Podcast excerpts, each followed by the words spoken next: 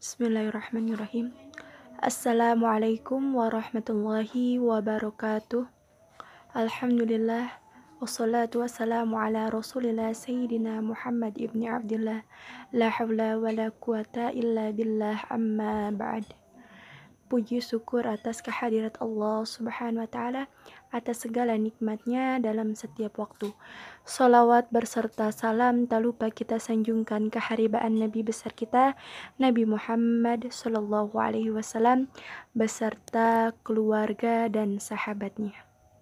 Hadirin rahimakumullah, akhwati fillah yang insya Allah dirindukan oleh surganya Allah Subhanahu Wa Taala. Insya Allah pada hari ini kita akan mengkupas tuntas kajian fikih wanita tiga perkara yaitu haid, nifas, dan istikhodah. Hari ini Anda menggunakan satu kitab terjemah kitab Ibana wal Ifadha bin Abdul Qadir As-Segaf karya Syed Abdurrahman bin Abdullah diterjemahkan oleh Ummu Umar Ba'agil dan ditafsirkan oleh Ustadz Ahmad Jamal bin Toha Ba'agil.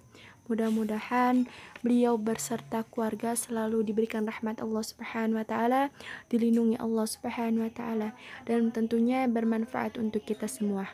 Amin ya rabbal alamin. Satu persatu insya Allah akan kita kupas seputar darah yang keluar mohon maaf dari kemaluan darah yang keluar dari kemaluan ada tiga yaitu darah haid yang kedua adalah darah nifas, yang ketiga adalah darah istikhadah. Tentunya teman-teman akhwat terutama yang sudah balik pasti mengalami yang namanya haid. Maka pengertian dari haid sendiri adalah darah alami yang keluar dari rahim wanita yang terdalam cara yang normal tanpa ada sebab di masa tertentu.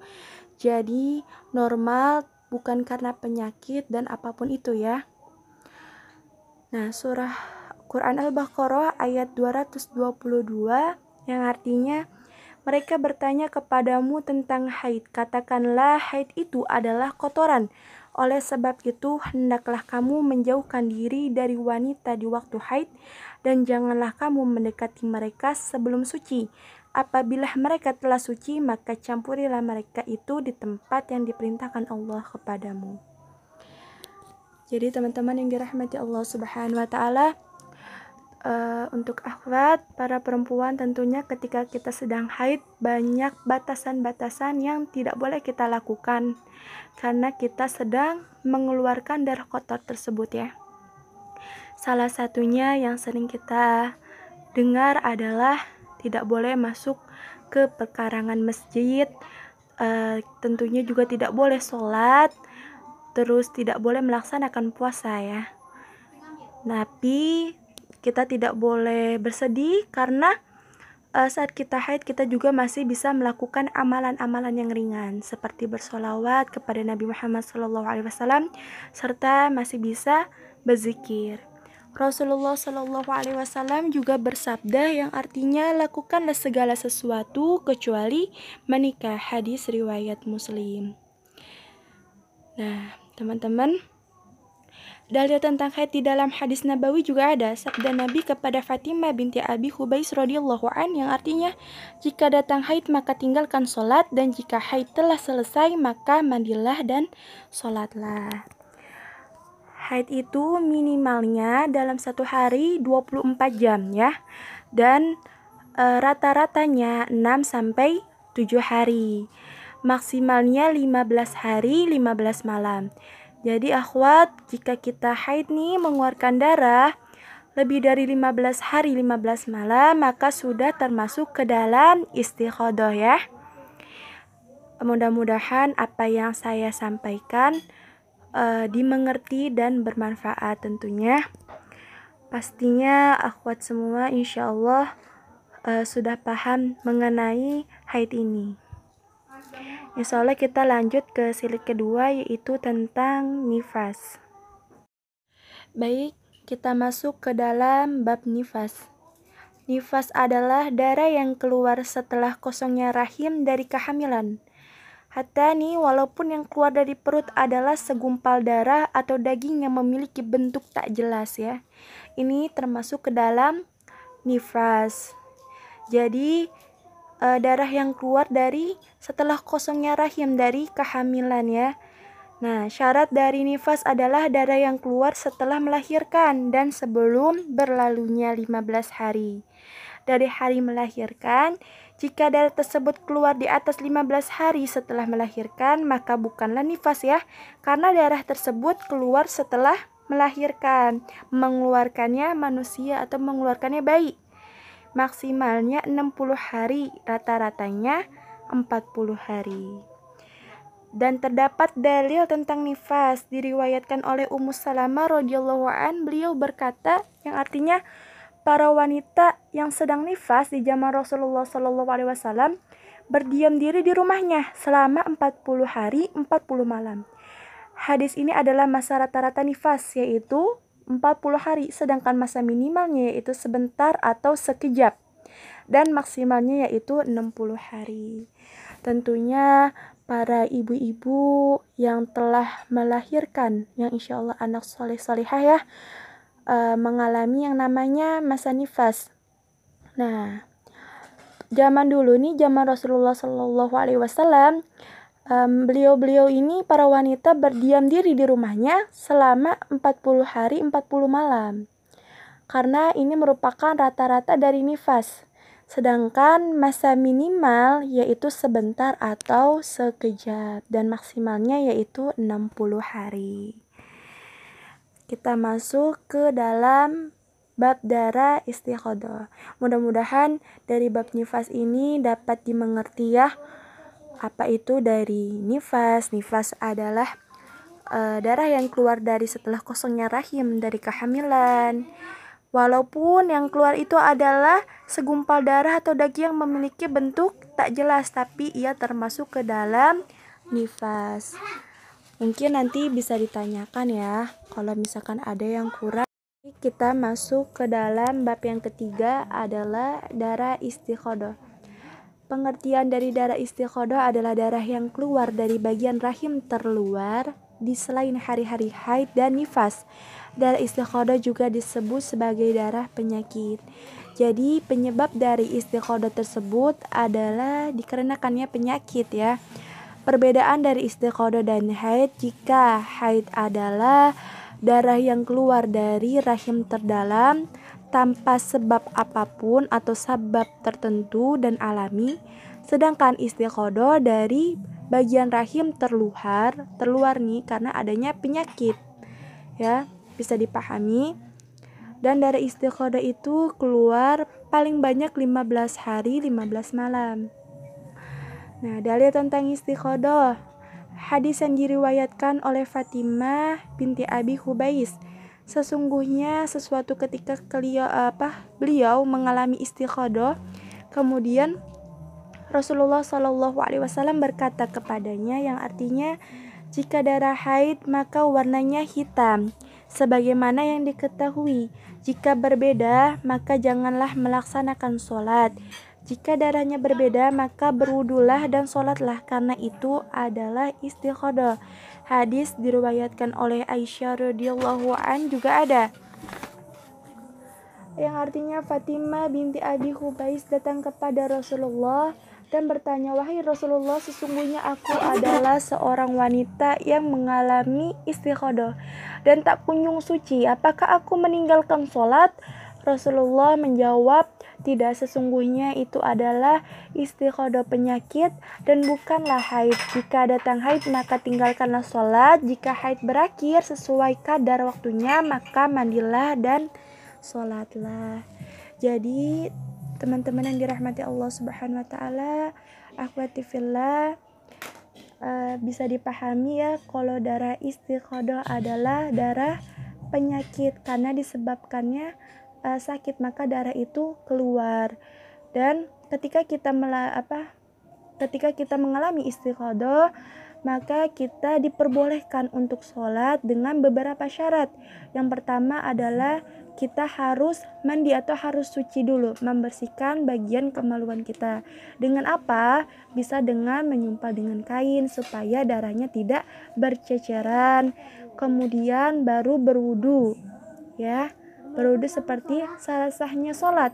berudu tapi sebelum berudu maka kita harus bersihkan dulu ya jadi teman-teman yang dirahmati Allah Subhanahu wa taala semoga dapat dipahami apa itu haid, apa itu nifas dan apa itu istikhadah ya.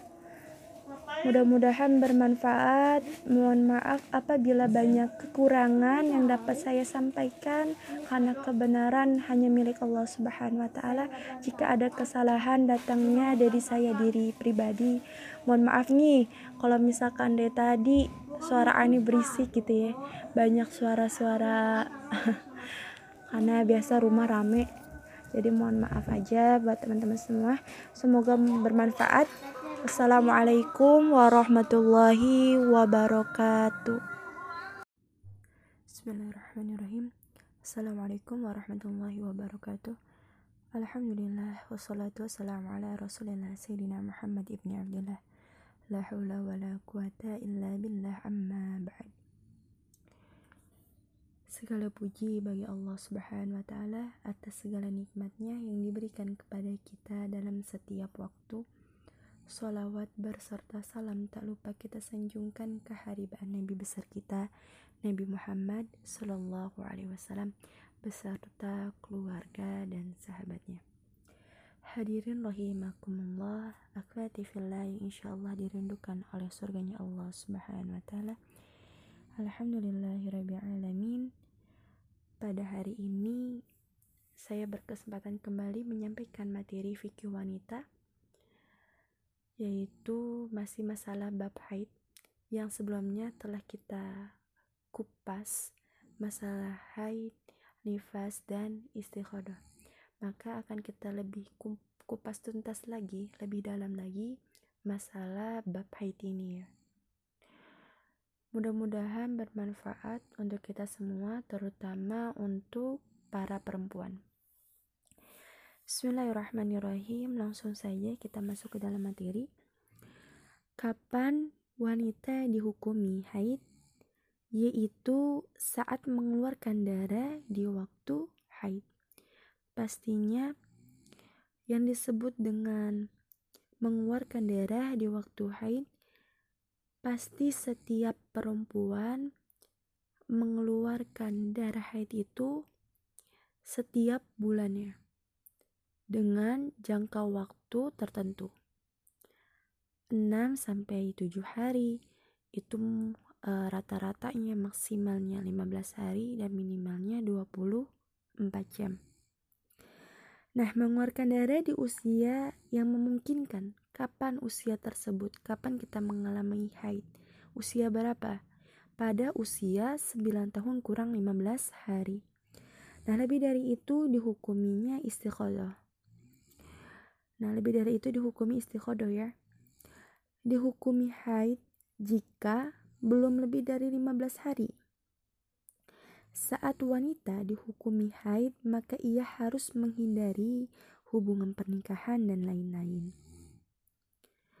Maka wajiblah kita mengganti sholat, puasa saat kita mengalami haid.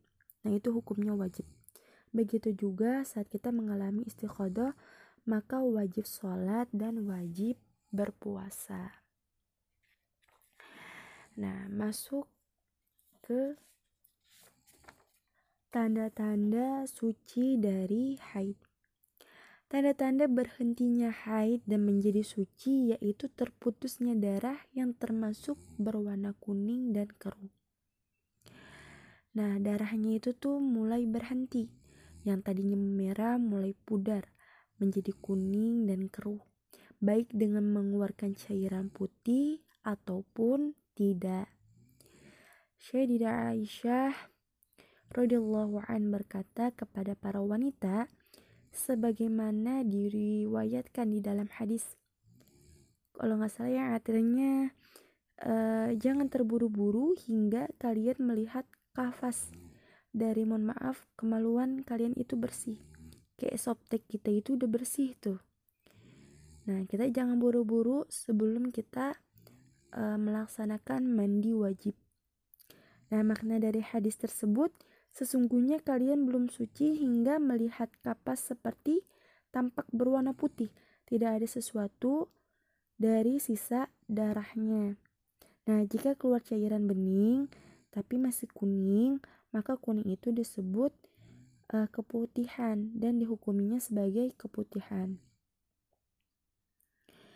Karena jika masa maksimalnya nih haid adalah 15 hari, maka masa minimal suci adalah 15 hari. Kali ini, hal ini nih disebabkan karena kebanyakan wanita dalam sebulan mengalami haid dan suci. Dan masa rata-rata suci di antara dua haid itu 15 hari, 15 malam.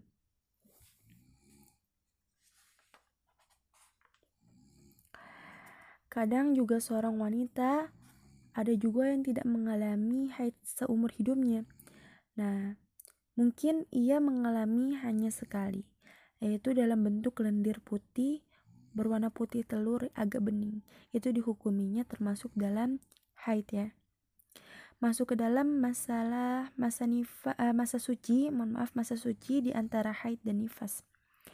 Nah, telah kita bahas bahwa Menurut Imam Syafi'i, seseorang yang hamil bisa mengalami haid. Berdasarkan hal tersebut, maka tidak ada batasan di masa minimalnya.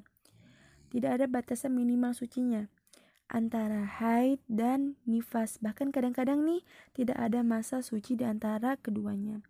Misalnya nih ya, seseorang wanita hamil memiliki kebiasaan haid selama lima hari.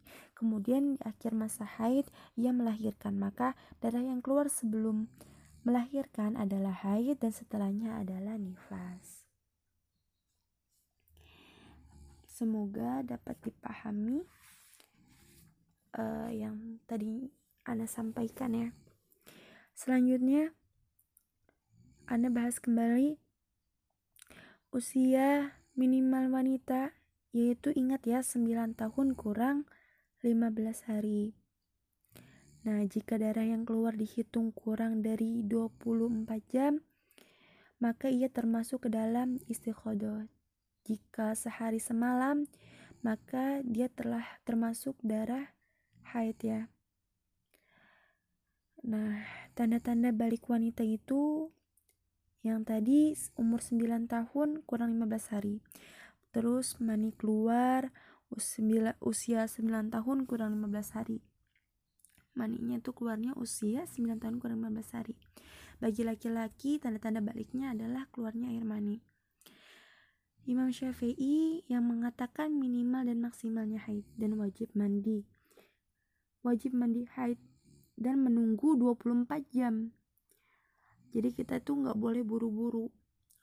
Haid secara terus menerus uh, itu misalkan dalam 24 jam tuh udah terus menerus itu nah itu udah termasuk ke dalam haid ya tidak terputus-putus. Namun jika berhenti jeda tiga hari kemudian keluar lagi maka ia termasuk darah haid. Misalnya gimana kak? Kita misalkan haid pada hari Senin selama lima hari nah Senin Selasa Rabu Kamis Jumat Nah, hari Sabtu, Minggu kita mulai suci, Senin depannya kita suci. Nah, Selasa dan Rabunya nah itu kita keluar lagi darah. Itu masih ke dalam masuk ke dalam haid ya, karena belum lebih dari 15 hari, 15 malam. Kemudian, jika seorang wanita mengeluarkan darah kurang dari 24 jam, maka darah tersebut termasuk istiqodoh atau darah penyakit. Dan jika mengeluarkan darah lebih dari 15 hari, 15 malam maka ia mengalami istiqodoh. Ya. Jadi ada yang e, darahnya itu keluarnya setelah haid nih. Setelah 15 hari 15 hari, 15 malam mohon maaf nah, pada tanggal 16-nya itu termasuk ke dalam istiqodo. Nah, ada juga yang misalkan uh, dia keluar darah tapi bukan uh, dalam uh, bukan dalam uh, apa sih hitungan iya haidnya gitu belum waktunya dia keluar haidnya belum waktunya dia datang bulan ya. Hari itu keluar darah terputus-putus tidak 24 jam maka itu juga dihukumi sebagai darah istiqodoh. Nah sifat uh, dari haid. Gimana sih kak ciri-ciri haidnya? Mungkin yang belum haid nah ini sifat dari darah haid itu memiliki beragam sifat ya yaitu berwarna hitam merah coklat kuning keruh kuning keputihan dan terkadang darah tersebut kental dan berbau tak sedap. Nah, itu disebut uh, itu tuh apa ya? Ciri-ciri dari darah haid. Biasanya kalau darah istiqodah itu lebih ke cair ya, warnanya pun cerah. Nah, sebagaimana hadis yang diriwayatkan Imam Bukhari bahwa bahwa wanita mengutus seorang kepada Syeda Aisyah radhiyallahu an dengan membawa kafas dan meng, uh, mengandung darah kekuningan. Lalu beliau berkata, jangan terburu-buru hingga kalian melihat kafas tersebut bersih, hingga boleh bersuci dari haid. Nah ini ada kasus seseorang yang membawa kayak kita misalkan ya kayak softtek kayak gitu kita tunjukin gitu ke guru kita misalkan atau ke orang-orang yang memahami gitu uh, kita belum paham keluar darahnya itu kekuningan bagaimana nih? Ini merupakan uh, sudah termasuk dari tanda-tanda mau bersuci. Tetapi uh, untuk sahnya sholat kita sebelum mandi itu harus memastikan bahwa sudah tidak ada lagi yang keluar secerca darah pun sedikit pun bentuk apa pun ya harus bersih. Nah, darah haid terus-menerus keluarnya. Apa sih kak bedanya darah haid dan darah istiqodah? Nah, kalau darah haid itu terus-menerus keluarnya. Biasanya kalau darah istiqodah itu terputus-putus. Ya. Nah, istiqodah itu nggak ada maksimalnya dan nggak ada sucinya. Karena uh, saat istiqoroh itu kita wajib sholat wajib puasa juga dan aku saranin untuk masalah bab haid ini para akhwat, para perempuan untuk membuat tanggalannya minimalnya satu hari 24 jam maksimalnya 15 hari dan rata-ratanya 6-7 hari. Kemudian uh, itu wajib juga sholat ya dengan yang sebelumnya Anda sampaikan dan beberapa kali Anda sebut bahwa saat kita istiqodah kita boleh sholat asalkan memenuhi syarat yaitu menyumpal mohon maaf kemaluannya agar tidak darah uh, agar tidak ada darah yang keluar saat kita beribadah ya kemudian saat kita haid itu suci dari 15 hari dan 15 malam. Itu merupakan maksimal dari haid. Kemudian ini anak rangkum ya inti-intinya. Terus keluarnya lendir, kemudian boleh mandi bersuci karena lendir tersebut pertanda berakhirnya haid. Jika keluarnya sesudah itu maka dihukumi haid. Nah, istiqodah itu tidak diwajibkan mandi, yaitu asalkan menyumpah kemaluannya, membersihkan dulu sebelum kita sholat. Semoga bermanfaat untuk kita semua, terutama para perempuan, dapat dipahami materi yang saya sampaikan sebelumnya maupun yang sekarang.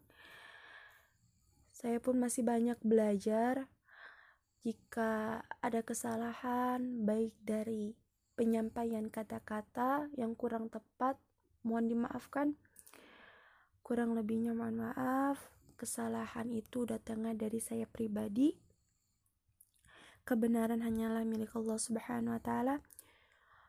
Kurang lebihnya mohon maaf. Assalamualaikum warahmatullahi wabarakatuh. Bismillahirrahmanirrahim. Assalamualaikum warahmatullahi wabarakatuh. Alhamdulillah, Alhamdulillah wassalatu wassalamu ala rasulillah Sayyidina Muhammad ibn Abdullah. La hawla wa la quwata illa billah amma ba'd. Puji syukur atas kehadirat Allah subhanahu wa ta'ala Atas segala nikmatnya yang diberikan kepada kita semua dalam setiap waktu Salawat berserta salam tak lupa kita sanjungkan keharibaan Nabi besar kita Nabi Muhammad Sallallahu Alaihi Wasallam beserta keluarga dan sahabatnya. Hadirin rahimakumullah, akhwati fillah, ibu, kakak, adik, teman-teman semuanya. Alhamdulillah, Rabbil Alamin. Insya Allah pada hari ini kita akan melaksanakan kajian fikih wanita mengenai hukum ratu batul faz cairan di vagina kemudian tentang mazi wazi, mani, dan cairan yang keluar ketika kita sedang sadar. Sebelum itu, marilah kita niatkan, luruskan niat kita untuk mengharap ridhonya Allah Subhanahu wa taala, mengamalkan agar e, mendapatkan keberkahan dan kemudahan dalam memahami ilmu. Bismillahirrahmanirrahim. Langsung saja Hukum rotobatul faz, cairan di vagina, cairan yang keluar dari kemaluan selain darah adalah rotobatul faz, cairan di vagina. Yaitu cairan putih antara mazi dan keringat. Ya, dia tuh antara mazi dan keringat. Bingung kan nih? Kenapa bisa begitu? Simak baik-baik teman-teman. Jadi jika cairan itu keluar dari bagian luar vagina, ingat dari bagian luar vagina, maka tidak najis. Dihukuminya tidak najis dan tidak membatalkan wudhu. Namun, jika keluar dari bagian dalam vagina, maka najis dan membatalkan wudhu. Namun bagaimana jika kita ragu apakah uh, keluar dari dalam atau luar? Bagaimana hukumnya? Jika kita ragu apakah keluar dari bagian dalam atau luar, maka tidak najis dan tidak membatalkan wudhu. Nah, pasti kita bertanya-tanya, mengapa demikian? Nanti ada dalilnya ya. Bagian luar vagina yaitu bagian yang wajib dibasuh ketika kita mas besar dan istinja. Nah, bagian dalam vagina yaitu sebaliknya. Maka adakah dalil tentang itu? Kita bahas. Ada dalilnya. Seperti ini. Bismillahirrahmanirrahim. Sesungguhnya ulama bersepakat bahwa madi najis dan membatalkan wudhu. Karena mazi keluar dari bagian dalam vagina, maka jika ratu batul faz ini keluar dari bagian dalam vagina, maka dihukumi seperti mazi. Ya. Jadi uh, ratu batul faz ini jika keluarnya ini cairan ini keluarnya dari dalam vagina maka dihukuminya najis dan membatalkan wudhu. Dihukuminya seperti mazi. Sampai sini paham? Dan jika keluar dari bagian luar vagina maka menyerupai keringat. Maka seperti yang kita kita uh, ketahui keringat itu hukumnya suci dan tidak membatalkan wudhu. Bayangin deh tuh ibu-ibu kakak-kakak kalau kita tiap hari keringatan dihukuminya najis bagaimana ya keringatannya dikit doang nih setetes. Dihukuminya najis. Eh, bagaimana tuh? Ribet kan tuh? Jadi namun kalau kita ragu nih yang seperti Anda bilang ketika kita ragu maka sesungguhnya keyakinan tidak dapat dihilangkan dengan keraguan. Karena asalnya dia keadaannya suci dan tidak disertai lemas. Langsung kita masuk ke bab fadi. Semoga dipahami ini ya, bab yang pertama. Bab wadi. Wadi adalah cairan yang keluar seperti lendir yang keluar dari kemaluan karena sakit ataupun kecapean. Bagaimanakah ini? E, seperti apa bentuknya? Agar kita bisa membedakan. Nah, wadi ini keputihan. Pastinya ini akhwat, ibu-ibu, adik-adik semua ketika kita kecapean atau sakit pernah mengalami keluarnya cairan keputihan. Nah, ini disebutnya wadi. Dan jika ingin sholat nih, kita nggak perlu deh bu mandi, ya, harus mandi besar gitu. Kita cukup uh, apa istinja dan berwudu, ya. Itu wadi. Nah, kita masuk ke bab ketiga yaitu tentang mani. Nah, mani yaitu cairan yang keluar ketika syahwat mencapai puncak. Ini nih ada baunya, Bu. Baunya khas disertai pancaran. Setelah keluar menimbulkan rasa lemas. Nah, hukum cairan ini tidak najis, namun jika keluar dapat menyebabkan hadas besar. Nah, sehingga itu membatalkan puasa, dan wajib mandi. Nah, bagaimana kita membedakan kalau mani sendiri baunya ketika basah seperti bau adonan roti dan tepung. Ketika uh, ketika dia kering nih seperti bau telur. Jadi bisa dibedakan ya, kalau mani saat ia basah baunya seperti adonan roti dan tepung. Namun kalau kering baunya seperti telur. Ya. Baunya khas disertai pancaran dan menimbulkan rasa lemas. Sedangkan kalau wadi itu dia keputihan kita cukup istinja dan berwudu disebabkannya juga karena sakit dan kecapean ya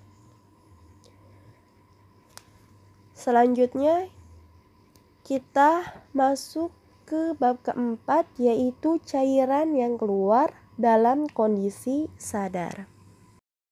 Jadi teman-teman, mani itu dia tidak najis, namun dia bisa menyebabkan hadas besar sehingga e, membatalkan puasa dan wajib mandi. Ya. Dan bagaimana kita membedakan mana wajib dan mani? Mani ter, e, mani sendiri itu memiliki bau seperti adonan roti dan tepung. Namun ketika dia sudah mengering, baunya seperti bau telur, ya. Cairan yang keluar dalam kondisi sadar, apakah bisa seperti itu? Nah, encer kekuningan sebagaimana disebutkan dalam hadis bahwa Nabi bersabda, Mani laki-laki itu kental putih, sedangkan mani wanita encer dan warnanya kekuningan. Hadis riwayat Muslim. Terkadang berwarna putih karena sebab bertambahnya kekuatan syahwat wanita tersebut dan memiliki bau khas air mani serta disertai itu organisme terkadang ada rasa lemas setelah cairan tersebut keluar. Itu merupakan dari ciri-cirinya ya. Jadi mani laki-laki itu warnanya kental putih sedangkan mani, e, mani wanita encer dan warnanya kekuningan.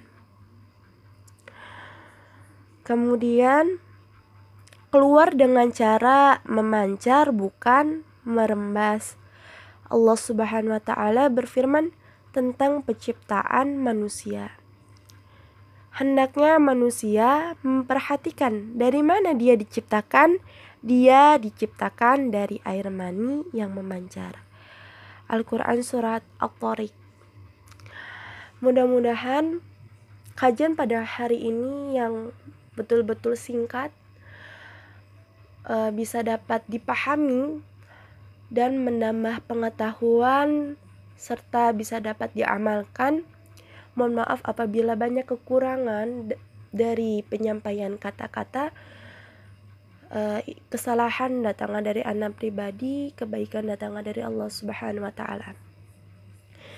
Insyaallah mungkin di lain hari kita dapat mengkupas kembali kajian fikih wanita. Uh, semoga bermanfaat. Kurang lebihnya mohon maaf. Wassalamualaikum warahmatullahi wabarakatuh.